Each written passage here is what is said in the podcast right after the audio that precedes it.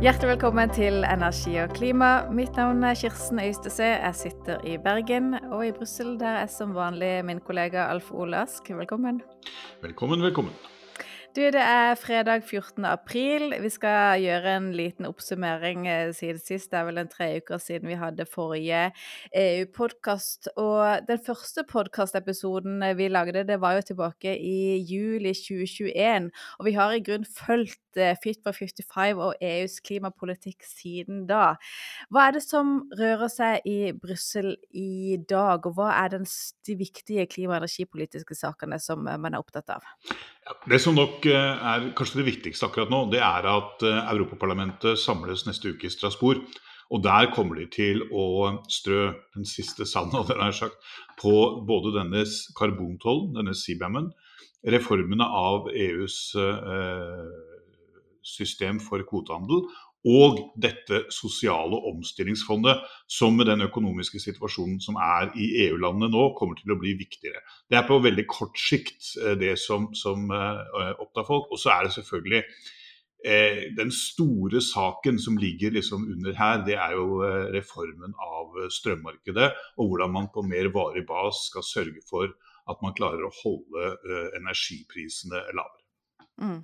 Du skrev jo i går en sak på Energi og klima om CBAM, og hvordan Norge ser på denne, og hvorvidt den er EØS-relevant. Og vi bare, Skal vi begynne med en faktaboks rett og slett på CBAM? Det kan være at det er noen lyttere som ikke helt eh, vet hva det innebærer. Ja, CBAM er, eh, EU har slått fast at CBAM ikke er en toll. Dette er en avgift som importører av varer som sement, kunstgjødsel, stål, jern, aluminium, hydrogen og elektrisitet til EU må betale dersom disse produktene kommer fra land som da har en eh, slappere eh, politikk når det gjelder å betale for utslipp, enn det man har i EU eh, og innenfor EØS-området. Det er kort fortalt det. Og så skal man da gjøre det slik at etter hvert som man innfører dette fra 2026, Eh, så øker denne avgiften på denne importen. Og samtidig vil man da fase ut de fri- eller gratiskvoter som denne industrien har. Og så skal denne ordningen etter hvert utvides til flere sektorer, eh, sånn at man eh, dekker da liksom alle deler av industrien. Mm. Og så, som du skrev, så har Utenriksdepartementet vurdert at denne CBAM-en, eller karbontollen, eh, ikke skal innlemmes i EØS-avtalen. Hva betyr det for Norge om det blir en del av EØS-avtalen eller ikke?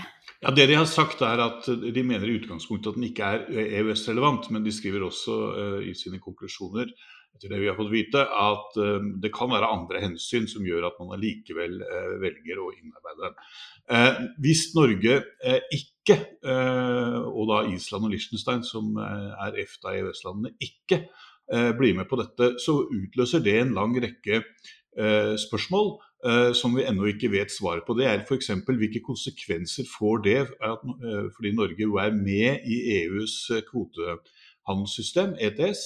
Hva betyr dette? Betyr dette at Norge da kan importere f.eks. aluminium fra Qatar og bli en vei inn for denne uten at de må betale denne CBAM-avgiften inn i det indre markedet som Norge er en del av. Vil EU kunne finne seg i at Norge rett og slett blir stående utenfor dette og fortsatt skal være med i dette systemet? Dette er ting vi ikke vet noe om. Eh, regjeringen holder kortene som vanlig tett til brystet. Og eh, de sitter og, og eh, tygger på dette nå. Og på et eller annet tidspunkt så må da Finansdepartementet konkludere.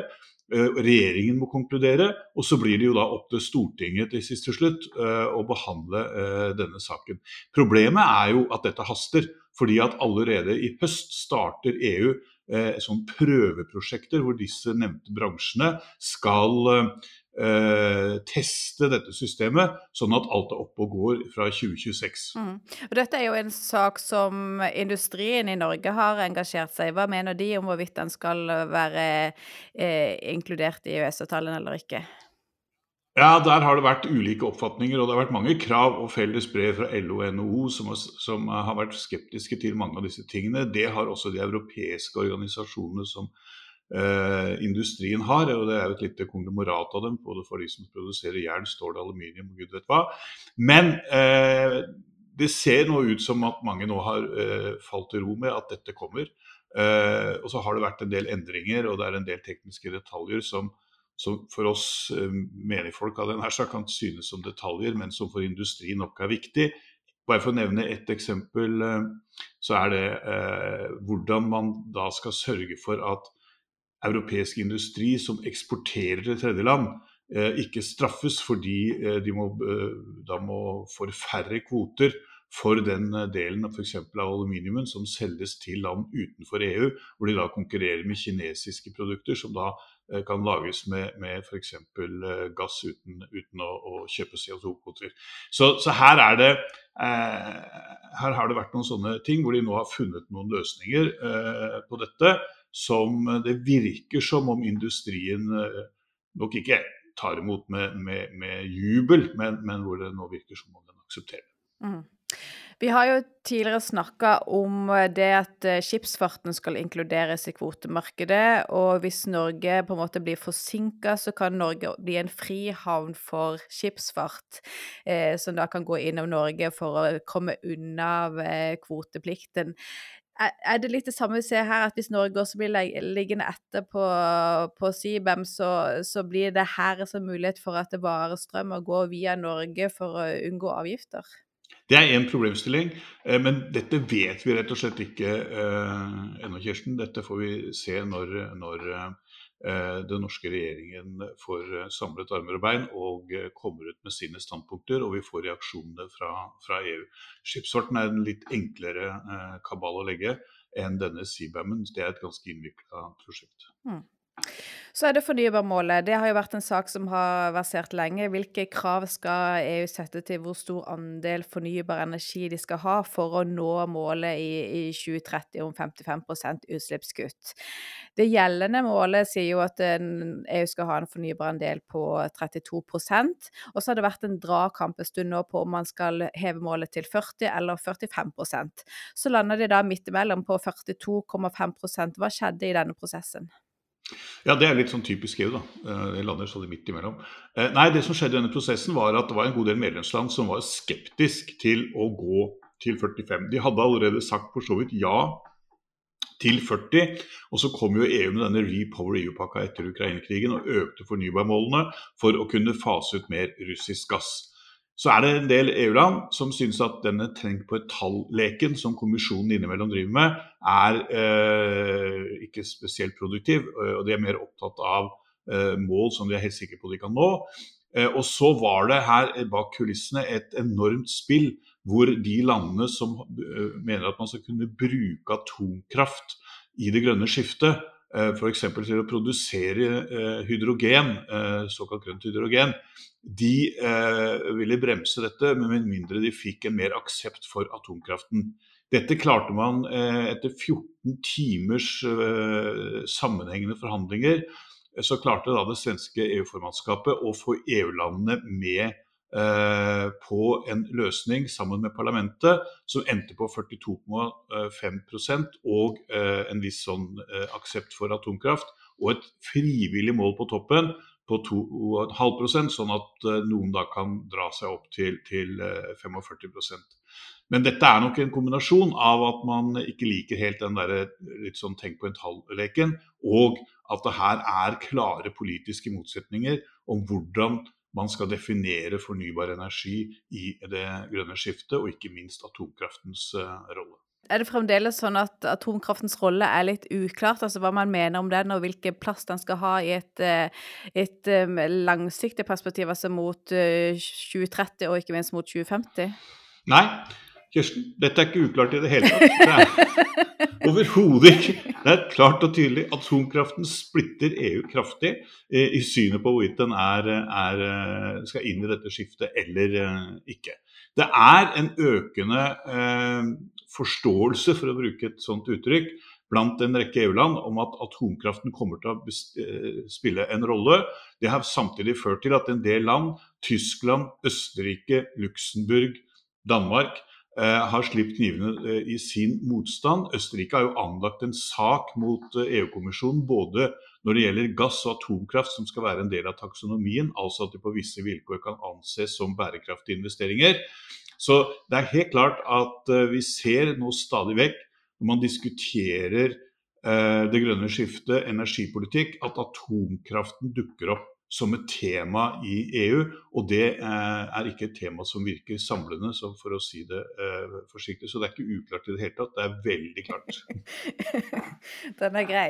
Du, da er det til slutt, holdt jeg på å si, altså en annen energikilde som, som det er ulike meninger om hvilken plass har i et langsiktig, eller i hvert fall mellomlangsiktig perspektiv, og det er jo gassens rolle i, i omstillingen. Hvor står den nå? Ja, jeg har sett at noen eh, hevder at EU har slått fast at 2049 er, liksom, er en sluttdato for gass. I det dokumentet som det henvises til, så står det at EU eh, ikke vil tillate inngås langsiktige kontrakter eh, for kjøp av gass utover 2049. og Årsaken til det er jo at man da ikke vil sørge for å bli sittende igjen med gass fremover, som man da ikke får brukt. Men det er ikke satt noen det er ikke vedtatt noen sluttdato for, for gass i, i, Europa, men det er helt opplagt at den politikken EU nå fører, kommer til å bety mye mindre bruk av gass. Og det kan godt tenkes at du, du knapt vil finne eh, noe gassmarked i EU allerede i 2045, dersom de virkelig lykkes med, med den politikken som, som, de nå fører. Men det er en del uh, ukjente i den uh, ligningen der. Og Så er da det store spørsmålet hva blir kostnadene for CCS, kostnadene for f.eks. å gjøre gass om til hydrogen og den type ting, eh, og som gjør at den kan spille en, en eh, rolle fremover.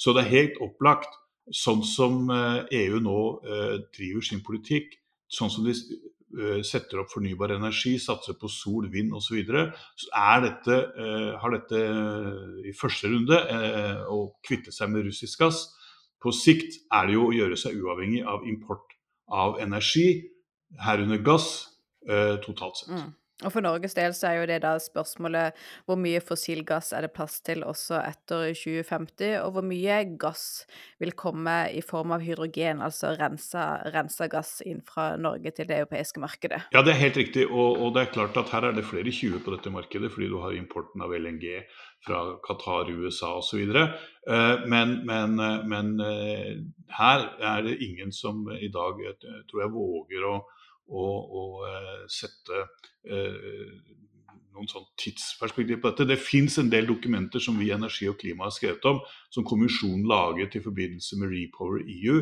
hvor de snakket om en betydelig knekk i importen av gass fra midten av 2030-tallet og, og, eh, og, fremover. Men det var, også en del, det var også ganske mange ukjente i den ligninga. Og denne usikkerheten om gassens rolle det har jo også gjort at det, det inngås ikke nødvendigvis så mange langsiktige kontrakter som man ville gjort hvis det var tydelig på hvilke volum man så på noe lengre sikt, som også fører til at EU da handler dyrere gass mer i spotmarkedet enn man ville gjort ved å inngå litt lengre kontrakter. Ja, jeg er ikke så sikker på det. Nå kommer jo denne, eh, denne eh, plattformen, da.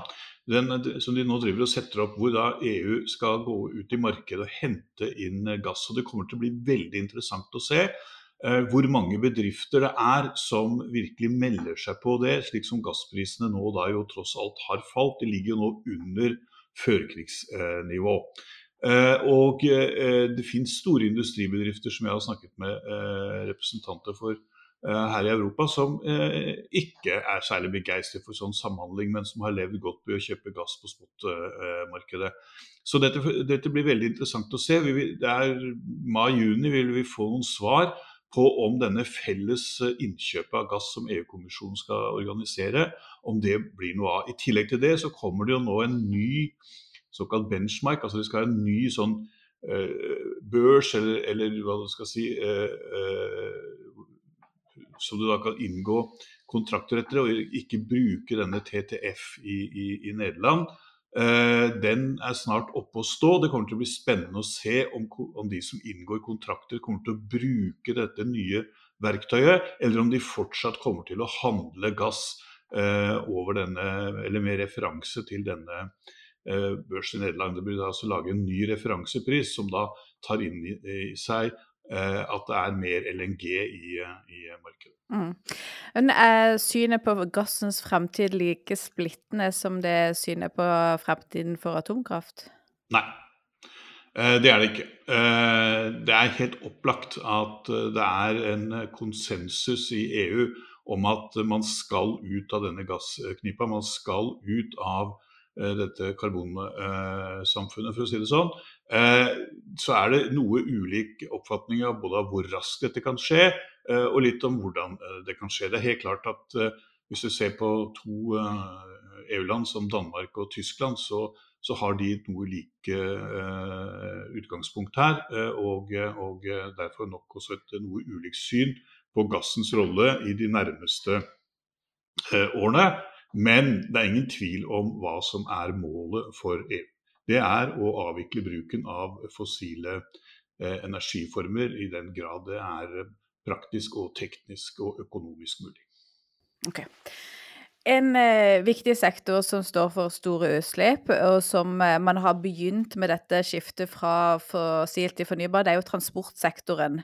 Eh, det kom nylig en eh, rapport fra de norske transportetatene som sa at det ville være vanskelig å kutte utslippene i Norge med 55% innen 2030 i transportsektoren.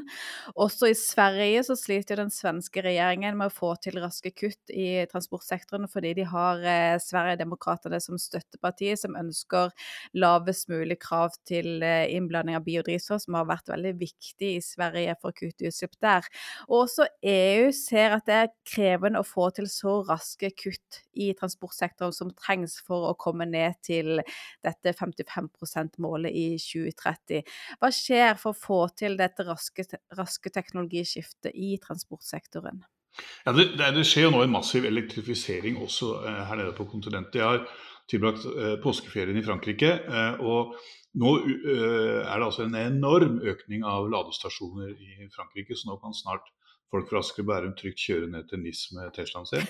Eh, men, men eh, Bare for å øse av mine fordommer.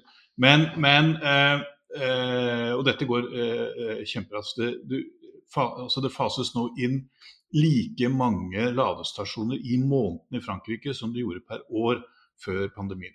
Uh, og dette er en økende elektrifisering da, altså av småbilparken. Så er det en stor utfordring som ligger på EU-landenes bord og i parlamentet nå, det er hvordan skal du kutte utslippene i tungtransporten. Der mangler man liksom teknologien eh, for å gjøre den eh, kostnadseffektiv. Og der gjenstår det eh, en del eh, arbeid før man, før man, har fått de tingene på plass. Men det er helt klart, eh, det viste jo en rapport som vi skrev om eh, i, for et år siden, som kom fra Miljødirektoratet byrået som EU har som ligger i København, at uh, utviklingen i transportsektoren går gal vei fordi folk kjører, uh, man får mer varetransport på vei, og man kjører større biler enn det man uh, gjorde tidligere. Så, men, men, men, nå settes det alle kluter til, også for å elektrifisere og få ned utslippene her i EU. Men du har helt rett, det går for seint, og det har til og med gått i gal retning. Hva er den viktigste politikken vi kan forvente at EU vil komme da for å, for å få til de målene de har satt?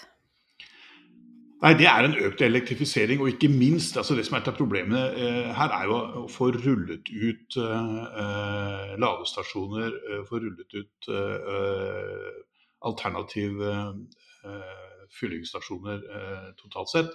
Og Der har jo nå EU laget regler for dette som gjør at det skal skje. Og jeg mener Det er, det er utrolig interessant nå eh, hvis du tar toget, som jeg har gjort fra eh, Brussel og ned til eh, Narbonne i Sør-Frankrike.